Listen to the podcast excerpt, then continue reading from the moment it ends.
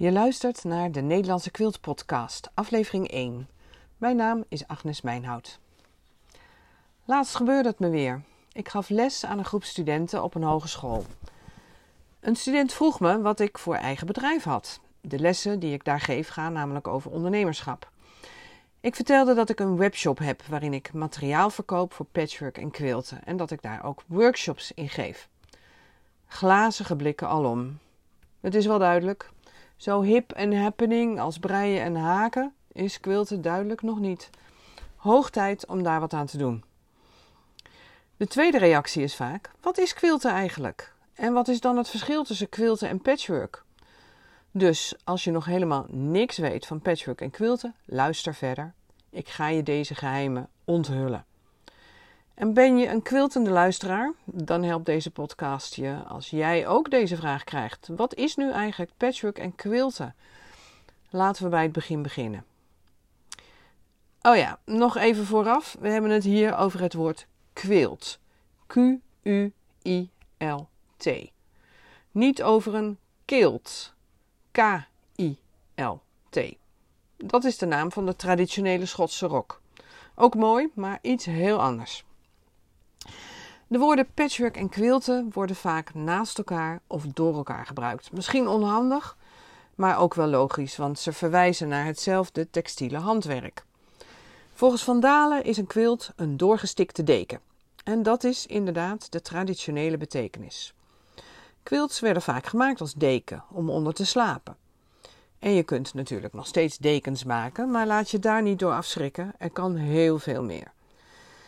Vandalen geeft ook nog een andere betekenis, namelijk kunstwerk van aan elkaar genaaide of doorgestikte lapjes textiel. Dat vind ik al een stuk leukere definitie. Vooral het woord kunstwerk. Want als je dacht dat patchwork en quilten een wat belegen handwerkvorm is, think again. De ondertitel van deze podcast is niet voor niets Quilting Rocks. Maar wat is nu precies een quilt? Een quilt is gemaakt van textiel en bestaat uit drie lagen: een bovenkant, een tussenvulling en een achterkant. Die drie lagen worden op elkaar genaaid en dat doorstikken, dat heet quilten. Een quilt kan dus een deken zijn voor op bed, om onder te slapen, of als sprei, omdat je dat leuker vindt om naar te kijken dan je dekbed. Of een deken op de bank om lekker onder te kruipen bij een Netflix-serie met een beker thee of koffie. En trouwens ook heel nuttig in deze tijden van hoge aardgasprijzen. Maar je kunt een quilt ook ophangen, omdat die mooi is om naar te kijken, of als tafelkleed gebruiken. Of je maakt een picknickkleed, een boxkleed of een speelkleed voor een baby of kind. Of als je klein wilt beginnen, een placemat of een onderzetter. En je kunt van die drie op elkaar gekwilte textiellagen ook nog heel veel andere projecten maken. Bijvoorbeeld tassen, kussens, knuffelbeesten en natuurlijk kleding. En hoe zit het dan met patchwork?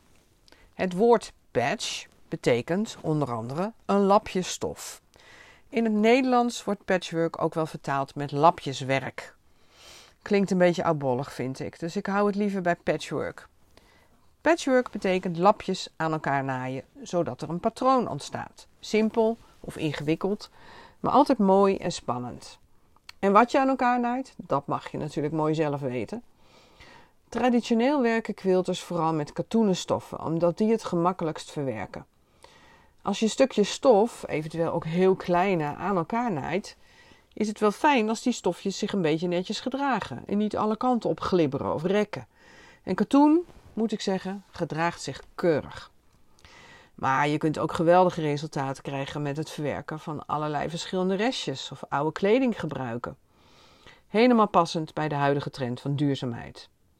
Dus nu ze in Glasgow praten over wat we kunnen doen om klimaatverandering te stoppen, kun je zelf meteen al aan de slag en met je hobby de wereld een beetje mooier maken. En tegelijk snoep je wat van de afvalberg af. Weggooien van gebruikt textiel is zonde. Veel opgehaald textiel dat niet meer te dragen is, wordt verwerkt tot poetslappen. Nou, dat kunnen wij beter. Wist je trouwens dat patchwork in de mode ook de trend is? Op 16 september van dit jaar, 2021, schreef Cecile Narings, de modejournalist in de Volkskrant, quote, Wat gaan we dragen als het aan de ontwerpers ligt? Kleren die lijken op lappendekens, collages en quilts. Hoewel de trend nooit ver weg is geweest, is hij voor de komende winter echt niet te missen. Logisch ook, want helemaal van nu oude lapjes hergebruiken is milieuvriendelijk, handwerken is hip en knus en het kan emotionele waarde hebben.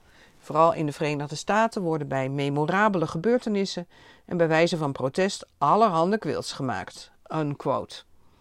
Ja, hip en knus met emotionele waarde. Wat wil je nog meer? Oké, nog even samenvattend. Een quilt, drie lagen textiel op elkaar, patchwork, aan elkaar genaaide lapjes. En de meeste quilts zijn patchwork quilts. De bovenkant bestaat uit een patroon van aan elkaar genaaide lapjes, die met een tussenvulling en een achterkant zijn gekwild. Maar er bestaan ook quilts die geen patchwork bovenkant hebben. De bovenkant bestaat dan uit één lap, een zogeheten whole cloth quilt. Dan is het patroon vooral het quiltwerk, mooie lijnen stiksel die het effect geven. Nou, ik hoop dat de spraakverwarring tussen patchwork en quilten hierdoor wat is opgelost. Wil je meer weten over quilten en patchwork? Ga dan naar mijn website www.minewood.nl en meld je aan voor mijn e-mailberichten. Tot ziens!